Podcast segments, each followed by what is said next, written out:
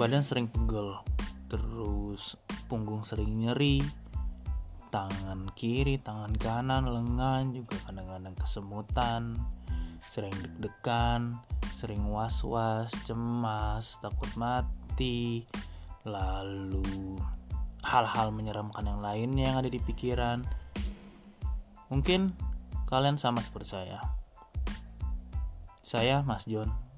Saya penyintas anxiety disorder